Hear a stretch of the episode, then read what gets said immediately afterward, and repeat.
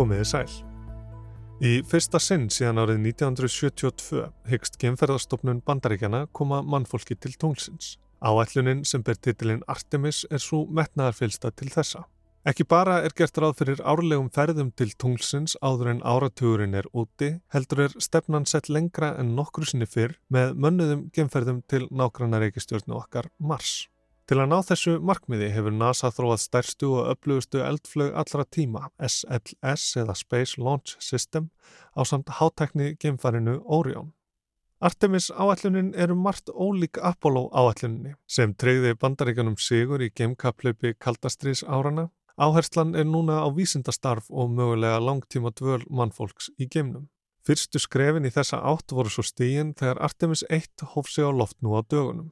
Ég heiti Snorran Hattsson, þú ert að hlusta á þetta helst og helst í dag eru eldflögar, NASA og tunglferðir þá og nú. Artemis 1 átti að fara í loftið mun fyrra á árinu. Þann 29. ágúst þurfti að fresta fluginu vegna vettnisleika í einni vélana og sömu sögu var að segja þann 3. september en þá var leikin enn stærri. NASA hefur mikla reynslu því að eiga við slík vandamál. Þegar kemur að kemferðum eru tafir, frestanir og bilanir daglegt brauð. En vegna þess að SLS-flöginni hafði aldrei verið flóið áður þurfti að hafa varan á og beita meiri varfærni í að fylla á vélarnar. 27. september þurfti svo að hætta við vegna fellibilsins Ían en klukkan 48 mínútur yfir 1 að fara nótt 16. november hóf Artemis 1 sig loks á loft. 3, 2, 1, boosters in ignition and liftoff of Artemis 1. We rise together back to the moon and beyond. Við rýsum saman aftur til tunglsins og handan þess sæði lýsandi NASA í bytni útsendingu. Átta mínútum eftir flugtak hafði þessi kraftmesta eldflög allra tíma komið Orion gemfarinu á spórbögum jörðu. Þar með hafði flögin þjónað hlutverki sínu áður en hún fjell til jarðar. Þá var komið að Orion að halda ferðinni áfram, fara einn ringi kringum jörðina á 40.000 km hraða og leggja svo leið sína til tunglsins. Ferðalagi þangað tók um það byrj 5 daga og dvelur Orion nú á spórbögi um tunglið. Eftir tæpar tvær vikur kviknar aftur á vélum Orion sem snýr þá heima á ný. Gangi alltaf óskum telst Artemis 1 flugið vel hefnað og ekkert í til fyrirstöðu að leika þetta eftir með Artemis 2 árið 2024 þá með fjóra geimfara innabors. Artemis 1 er ómannað tilraunaflug. Árið 2025 stefnir NASA á annað fjögur að geimfara flug, Artemis 3. Þá munu tveir þeirra stíga fæti á tunglið og verður það í fyrsta sinn sem það gerist síðan Gene Cernan snýri heim með Apollo 17 í desember 1972. En þó margt sér líkt með Apollo og Artemis er fleira sem skilur áætlaninnar að og eru nöfn þeirra ágetis vísbendingum munin.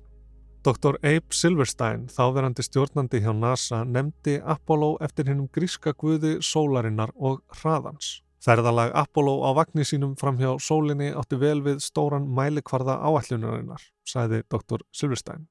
Apollo var hlift af stað í stjórnatíð Dwight D. Eisenhower en markmiðið lág ekki fyrir fyrir en John F. Kennedy tók við fórsetastólunum. We choose to go to the moon. We choose to go to the moon in this decade and do the other things, not because they are easy, but because they are hard.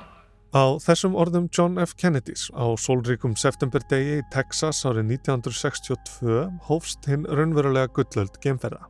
Ekki vegna þess að það er auðvelt heldur vegna þess að það er erfitt. Kennedy hleyfti þar með krafti í geimkaplöpið millir bandaríkjana og sovjetríkjana sem hófst með gerfinnettinum Sputnik 1 árið 1957.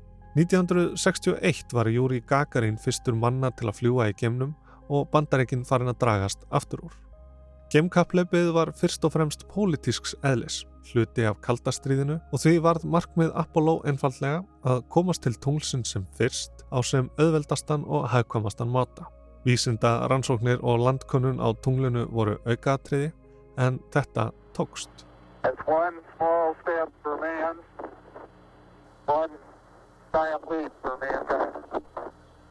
Artemis drefur hins vegar napsitt af tvíburasistur Apollo, grísku tunglgiðjunni og er það til marg sem það að tunglið sjálft er í fyrirrúmi. Þó svo að Artemis 1 sé fyrst og fremst verkfræðiæfing, prófun á því hvort SLS og Orion geti flóðið til tunglsins og tilbaka, munu ýmsar tilraunir eiga sér staði í leiðinni. Tíu smá gerfinöttum hefur verið komið fyrir og þjóna þeir ýmsum hlutverkum. Einn þeirra ringsólar um tunglið og leitar að frostnu vatni sem geimfarar framtíðarinnar gætu nýtt sér. Annar leitar að vettni á pólum tunglsinn sem geti orðið að eldflöga eldsneiti og svo þriðji kemur til með að lenda á tunglinu og mæla gíslavirkni. Um borði í Orion eru einnig síni af plöntum, þara, sveppum og geri sem verða fyrir gíslun á leiðinni. Þegar heim er komið verður hægt að greina áhrif gíslunarinnar á erðaefni þessara sína, nokkuð sem mun veita vísbendingum um það hvað geimfarar munu ganga í gegnum. Í komandi ferðum verða svo enn fleiri tilraunir og rannsóknir gerðar með gerfinnöttum á samt tungljapanum Viper sem einning mun leita að frostnu vatni. En fyrir utan allt þetta er ætlunin að byggja geimstöð á spórbög um tunglið.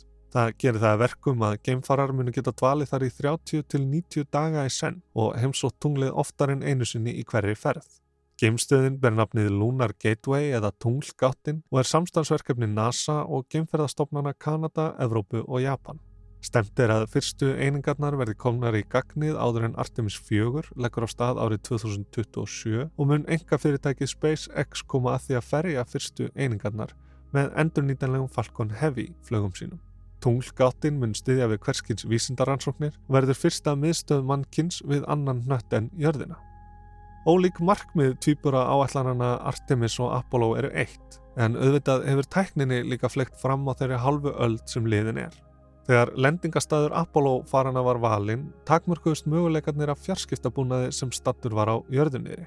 Einungis var því hægt að lenda á smáu belti á þeirri hlið tunglsinn sem ávalt snýraði jörðu og einungis þar sem aðstæður líkjast yfirborði jarðar og auðvelt er að lenda. Hratt, auðvelt, hagkvæmt, muniði. Þetta eru hins vegar ekki endilega svæðin sem mest spennandi er að rannsaka. Með gerfinnatta fjarskiptum og þeim innviðum sem við höfum byggt upp í geimnum er tunglið allt nú orðið að áfangastað. Og eins og fyrr segir eru pólarnir þar sem ís og vettni gæti verið að finna hvað áhugaverðastir. Geimflögarnar sjálfar sem skiptast í SLS eldflögina og Orion geimfarið eru einnig mun þróaðri en Apollo flögarnar. Tæknin að baki Artemis-flögunum byggir á gemferjunum sem NASA flög á árunum 1981 til 2011.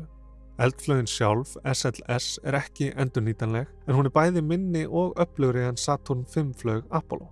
Geimfarið Orion má hins vegar senda í marga leiðangra líkt og geimferjurnar en Apollo geimförin flugu aðeins einu sinni hvert. Þau gáttu ferjað þrjá geimfara og reikningita stjórntölvunar bliknar í samanbyrði við jafnvel innföldustu farsíma dagsins í dag en einhvern veginn hafðist þetta þó. Orion er aftur á móti útbúið nýjustu tækni, verður að hluta til rattstýrt og rúmar fjóra geimfara í sínum nýju íveruhæfur rúmmetrum og sér þeim fyrir öllum nöðsunjum í alltaf þrjár vikur. Apollo aðeins tvær. En hverjir verðaði borði í fyrstu ferðunum? Mike Pence, þáverandi varafórseti bandaríkina, tilkynnti það í desember 2020 og las upp nöfn þeirra.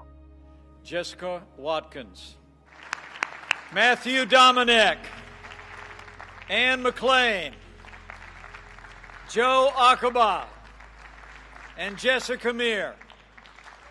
Really is amazing to think that the next man and the first woman on the moon are among the names that we just read, and the Artemis generation are the heroes of American space exploration in the future. Would you join me in showing our appreciation?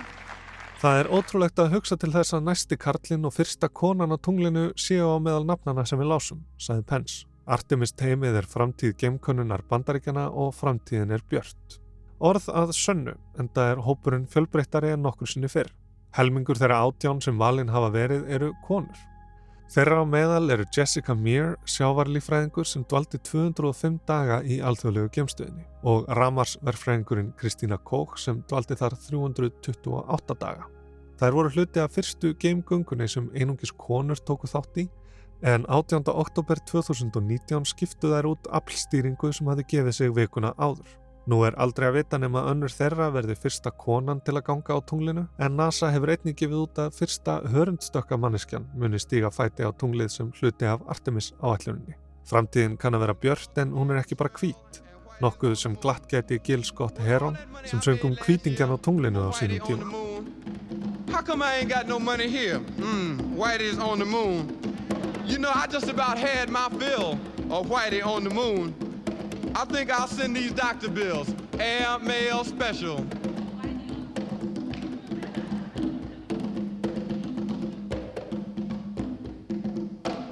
To Whitey on the moon. Það er öllu tjaldað til við geimferðir bandaríkjana. Kostnæðurinn hleypur á 20 miljardar dollara og velta sum fyrir sér hvort kostnæðurinn sé réttlætanlegur. Enga fyrirtæki á borð við SpaceX og Blue Origin vinna hörðum höndum að endur nýtanlegum eldflögum sem getur dreyið verulega ár kostnæði við hverja ferð. Væri ekki ráðað býða. Og ef markmiðin eru fyrst og fremst vísindalegs eðlis, væri ekki næra að senda vélmenni í skýtverkin, taka myndir og sapna sínum. Þetta eru gildar spurningar en á sama tíma leggja Rústland og Kína mikið kapp á að koma sér fyrir í gemnum og á tímum sem þessum er ólíklegt að bandaríkin vilji teljast eftir bátar þeirra. Það lifir lengi í gömlum klæðum en hvort að sé þess virði verður hver og einna dæma fyrir sig. En hafa skal í huga að ekki erum að ræða skemmtiferðir til tunglsins heldur mögulega framtíð mannkins. To get ready to go to Mars. It's one thing three or four days to the moon and then to return humans. It's another thing to go millions and millions of miles all the way to Mars. And once you're on the surface, you're there for a year or two until the planets realign so that they are closer so that you can get back. Að bú okkur undir að fara til Mars, segir Bill Nelson stjórnandi NASA. Það er tilgangurinn. Þryggja til fjóra daga ferðalag til tunglsins er eitt, en það er annað að fara miljónir kílometra til Mars. Þegar þangað er komið er dvölin 1-2 ár þar til plánuturnar eru nægilega nálagt hver annari svo hægt sé að halda heim. Tunglið er sem sagt ekki bara áfangastæður í sjálfu sér, heldur stökkpallur lengra út í gemin. Tæknin sem verður til og þekkingin sem Artemis áallunin mun abla er einungis fyrsta skrefið í lengri vekkferð, mun lengri vekkferð. Fjölmarkar tilvistaróknir stæði að mannkininu, pláur, loftslagshamfarir og svo framvegis. Stöndum við þær af okkur takmarkast ver okkar á jörðinni hins vegar við líftíma sólarinnar, en hún á aðeins nokkra miljardar ára eftir í sér.